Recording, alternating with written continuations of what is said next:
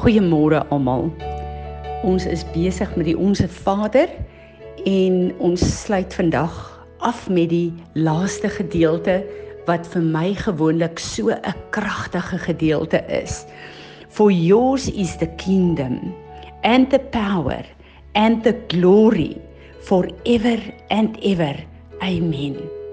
Vir my is hierdie gedeelte waarmee ons afsluit 'n verklaring van lofprysing. Dit is ook 'n plek dat wanneer ek sê aan U behoort die koninkryk dat ek hom sien as hierdie koning van 'n hele koninkryk wat oor die hele aarde strek, nie net 'n land op aarde nie. Al die krag as ons kyk na kragstasies wat 'n hele groot stad van krag voorsien dan kan ons 'n klein idee kry van hierdie kragbron wat duisende huise, duisende besighede 'n kragvoorsiening voor is. So as ons dink aan 'n kom ons dink Suid-Afrika 'n groot mall. As jy daar instap, dan dink jy nie eers elke winkel wat in hierdie kompleks is, het 'n kragboks wat hulle ligte laat werk wat wat uh, uh, hulle laat funksioneer. So sonder daardie kragboks sal hulle nie as 'n besigheid kan funksioneer nie. Nou dink aan so 'n groot mall, hoe groot is hulle kragvoorsiening en hoe groot is hierdie kragbord wat krag trek by hierdie krag ek wil amper sê kragstasie in die ou tyd het ons kragstasies gekry uh wat hulle hulle krag van trek. As ons kyk na God se krag, dat hy die kragbron is, dat hy die power of the universe is, dan kan dit nie eers vergelyk word met die grootste kragopwekking om vir ons elektrisiteit te gee hier op aarde nie. Hy is daai kragbron wat praat en die oomblik as hy praat, dan word daar goed geskep. Die woord sê dat hy nog steeds universe skep dat daar elke dag sterre ges geskep word. Dit is die krag wat hierdie God van ons het. En wanneer ons sê aan U behoort die krag, dan kyk ons na hierdie geweldige krag manifestasie van wie hy is. En as ons kyk na die woord, die verskillende beskrywings van God op sy troon, dan's een van die uh, beskrywings dat daar weerlig uit hom uitkom. So as ons kyk na hierdie weerlig en hierdie donderslaa en hierdie kragmanifestasie van waar hy as skepper op hierdie troon sit, dan kom ons en as ons hierdie gebed wat ons bid, al ons versoeke wat ons gebid het, as ons dit kom afsluit, dan sê ons Here, ons het hierdie goed gebid Ons weet dat die krag wat u het, is die krag wat die hele aarde, maar ook die hele heelal onder u beheer het.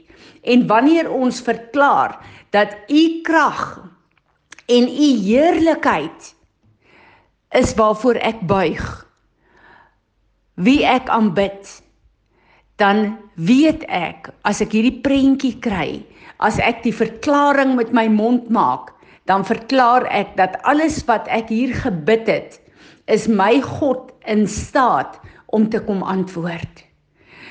Jy posisioneer jouself letterlik om met 'n heilige ontzag te kom en te sê Here, ek weet wie is hierdie God wat ek nou aanbid. Ek weet wie is hierdie God waarvoor ek hierdie versoeke gee. Ek weet dat wanneer ek U kom aanbid en wanneer ek met my versigtings na U toe kom, of ek bid vir myself of ek bid vir my familie of ek bid vir die gemeenskap of ek bid vir die nasies van die wêreld, dan kom ek na die een toe wat by magte is om elke gebed te antwoord.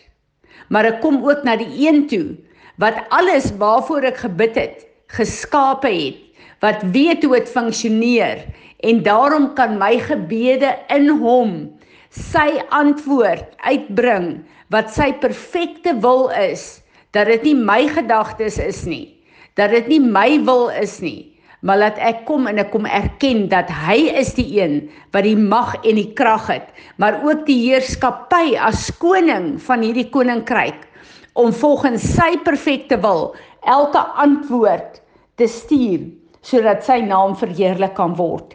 Maar dan kom ek ook met hierdie hele begrip van wat hy in sy woord sê in Efesiërs 1 kom hy en hy sê eh, vers 3 kom hy en hy sê vir ons dat elke geestelike seën alles wat in die hemel is het hy vir ons tot beskikking gestel.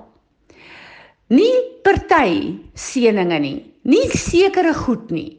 Hy weerhou niks van ons nie. Alles wat in die hemel is, is tot ons beskikking.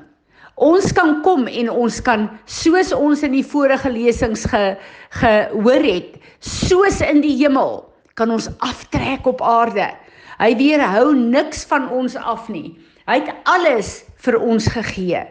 Wat 'n voorreg. En dan kom hy en hy sê vir ons in Efesiërs 1 vers 20. Jesus wat ons kom verbind het terug tot ons Vader wat ons weer deel gemaak het van sy huishouding. Hy het sy werk afgehandel. Hy het hierdie werk wat hy gedoen het om ons te kom verbind terug met ons Vader, dis afgehandel. En hy sit aan die regterhand van ons Vader. Hierdie kragbron, hierdie mag en hierdie majesteit. Jesus het gaan sit aan sy regterhand om te sê my werk is klaar. Hy het op Golgotha op die kruis sy laaste woorde was dit is volbring. Dit is klaar. Wat beteken alles waarvoor hy aarde toe gekom het vir my en jou is afgehandel, dis voltooi. Nou het ek en jy daai voltooide werk as 'n kragbron en 'n verbintenis terug na ons Vader toe om te doen wat hy ons gestuur het om te doen. Maar hy sit nie net aan die regterhand van ons Vader nie. Hy doen vir ons intersessie. Hy bid vir my en vir jou sodat ons kan volbring dit waarvoor ons Vader ons geskape het. Nou as een van julle vir my vra, Fransie bid vir my. Dan weet julle dat wanneer ek en jy saamstem oor iets, Vader sê dat hy ook daar is. Hy bekragtig dit en hy sal dit antwoord. En dan dink ons ons het 'n versterking as ons vir mekaar bid. Maar wat se versterking het ek en jy met Jesus Christus as 'n intercessor? Waar hy kom en hy kom stem saam met wat ek en jy bid en hy doen 'n intersessie aan die regterhand van ons Vader met sy afgehandelde werk in die rus, die ewige rus van God. Wat 'n voorreg het ek en jy om 'n intercessor te hê wat daar sit en wat dit wat ons bid nie net vir ons lei hoe om te bid nie, wat nie net vir ons leer hoe om te bid nie, maar wat ook saamstem met dit wat ons bid in sy wil. Wat 'n voorreg. Dink jy dat God ons nie sal antwoord as ons hierdie krag het terwyl ons bid nie? Maar meer as dit, kom hy en hy sê vir ons in Efesiërs 2 vers 6 'n baie belangrike ding. Hy sê daar dat ek en jy sit in hemelse plekke in Jesus Christus, in hierdie plek waar hy sit met die afgehandelde werk. Ek en jy sit daar aan die regterhand van God. Wat beteken dit? Dit beteken dat ek en jy in die gees met ons gees in die afgehandelde werk van Jesus Christus sit. Wat beteken dit vir my en jou? Dit beteken dat ek en jy in die oorwinning van die kruis sit in elke probleem, elke uitdaging, elke aanval wat ons op aarde kry. Nou as ons kyk na die woord van God, wat die woord ons leer, dan sien ons in die woord word drie hemele aan ons openbaar. In Genesis 1 praat die Here van hy die hemele geskape, nie net die hemel nie. In die woord sien ons verder dat daar drie hemele is. Ons dink aan Paulus wat gesê is hy's opgeneem in die gees in die derde hemel waar God se troon is. Nou die eerste hemel is letterlik die atmosfeer waar ek en jy lewe. In die tweede hemel is waar die principalities en die powers funksioneer. As ons kyk na Efesiërs 6, die principalities en powers in in hemelse plekke. Dis die tweede hemel. Dit is ook waar die, boek Daniël ons leer dat die engel van God moes eers beklei deur die tweede hemel voordat hy op aarde die antwoord vir Daniël kon bring. So ons het die eerste hemel waar ons lewe, die tweede hemel waar die demoniese magte is. Dis ook waar God kom met sy mobiele troon vanuit die derde hemel uit waar die aanklagte van die vyand mee gedeel word waar ek en jy kan kom en kan antwoord, kan intersessie doen, kan repent. Uh dit is die plek waar dit gebeur en dan die hoogste hemel waar God is, die derde hemel waar hy op sy troon sit as skepper en en uh van die hemel en van die aarde en uh dit is 'n heilige plek. So in daai plek kan die vyand nie inkom om ons aan te kla nie. Hy kla ons aan in die tweede hemel. Nou wat beteken dit dat ek en jy sit in hemelse plekke aan die regterhand van Vader in Jesus Christus in sy afgehandelde werk? Dit beteken dat ek en jy het 'n autoriteit om vanuit daai plek te praat met die vyand en sy magte. So ons beklei nie hier van onder af nie.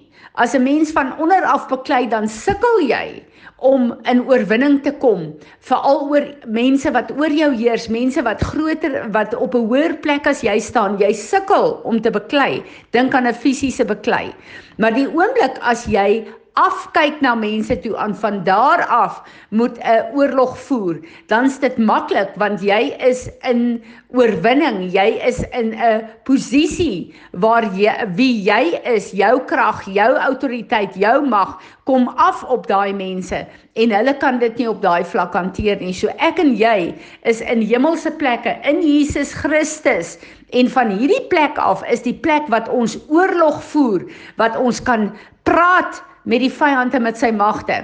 Dis van hierdie plek van oorwinning wat ons kan uh staan en kan sê, ek beklei nie van die eerste hemel af van my posisie in die vlees waar ek lewe as 'n vleeslike liggaam wat onderwerp is aan die verval en die sonde van die wêreld nie. Ek beklei vanuit 'n plek, 'n posisie in my Heer en Meester wat klaar oorwin het, die werk oor die vyand en al sy magte afgehandel het. En dit is waar Romeine 16 vers 20 inkom wat sê uh waar die Here vir ons sê soon I will crush Satan under your feet. Dit beteken dat ek en jy sit in hemelse plekke saam met hom en die vyand is onder ons voete. Hy is ons is in die derde hemel in die gees in Christus, maar die vyand is onder ons voete in die tweede hemel.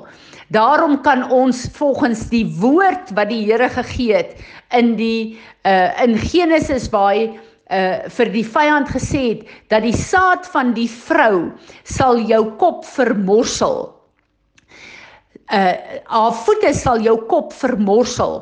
En dit is presies hierdie plek. Ek en jy is daai saad wat in Christus die kop van die vyand kan vermorsel.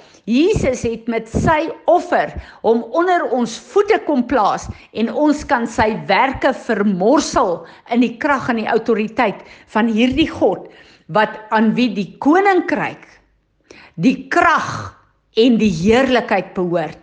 En daardie krag en heerlikheid het hy aan ons kom gee deur die kruisdood, die oorwinning van Jesus Christus, ons Heer en Meester.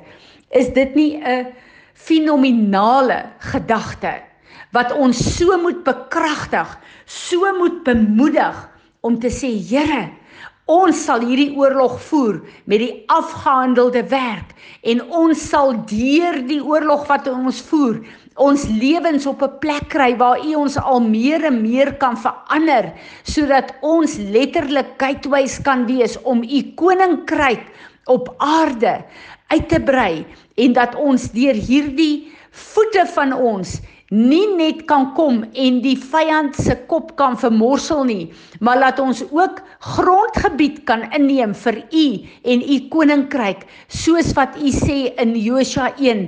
Elke plek waar julle julle voete neersit, sal ek die grondgebied vir julle gee. So ek bid dat die Here ons sal help, nie net hoe om hierdie oorlog te voer vanuit 'n fokus van wie hierdie koning is, van wie hierdie krag is wat ons het om te bid nie.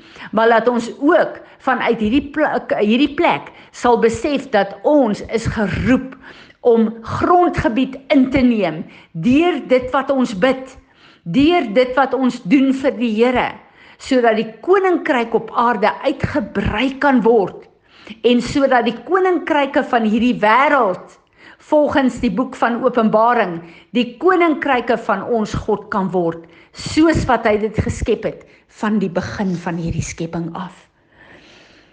Piet, dankie. Sal jy weer vir ons bid terwyl ons op hierdie plek van heilige ontzag en eerbied hierdie koning van ons kom aanbid. Amen. Here Jesus, ek wil net vandag kom verklaar dit in my lewe en in elkeen se lewe wat wat hierna luister. Here dat al die eer en die glorie U alleen toe kom. Here dat U alleen waardig is om aanbid te word. Dat U alleen waardig is om die toppunt van ons lewens se fokus te wees, Here. Here dat U alleen al die eer en die glorie van hierdie wêreld in my lewe en elkeen se lewe kry. En ek wil dit kom verklaar dat U alleen waardig is. Here Jesus, ek wil vir U dankie sê dat U sê in U woord U self het vir ons gesê maar jy wat vir jou pa vir 'n brood vra, wie sou vir 'n klip gee? Jy weet vir jou pa vir jou pa iets iets vra, wie, wie sal dit nie vir sy kind gee nie? En hoeveel te meer ons Hemelse Vader. Jy weet ek wil vir U sê dankie vir dit. Dankie dat dat U na ons kyk. Dankie dat U saam met ons hierdeur stap. Dankie dat ons saam met U kan oorlog voer uit die hoogtes uit. Dankie dat ons saam met U in die hoogtes kan sit. Here, ek weet ons breine verstaan dit nie altyd nie en wie goed sink nie altyd in ons harte in nie. Maar dankie dat ons in hierdie proses kan wees en dat U ons hierdeur vat sodat hierdie goed uit ons breine uit ons gedagtes begin verander en in ons harte kom insink, Here, dat ons uit ons harte uit kan leef in U beginsels, Here. Here, dankie daarvoor. Dankie dat U die volle prys betaal het. Dankie dat U die volle oorwinning het. En dankie dat ons in daai oorwinning kan loop al verstaan ons dit nie elke dag nie. Here, maar ek wil kom verklaar dat ons in U oorwinning loop en in U glorie loop wat U alleen toe kom, Here. Dankie daarvoor. Here, ek vra dat U elkeen wat hierna luister en elkeen wat deur hierdie proses is en met hierdie goed besig is, dat U dit sal klaarmaak. En dankie dat U in U woord vir ons beloof dat U maak klaar wat U begin. So Here, ek wil vra dat dat U dit sal klaarmaak in elkeen se lewe en dat elkeen in U beginsels sou kan vas staan en in u beginsels kan loop. En met 'n vaste geloof agter u kan aangaan en hierdie wêreld kan uitgaan met confidence binne in u. Nie omdat ons goed genoeg is nie Here maar omdat u goed genoeg is en omdat u die oorwinning het kan ons met 'n confidence op hierdie wêreld op hierdie aarde loop en in hierdie wêreld lewe. Dankie daarvoor Here. Amen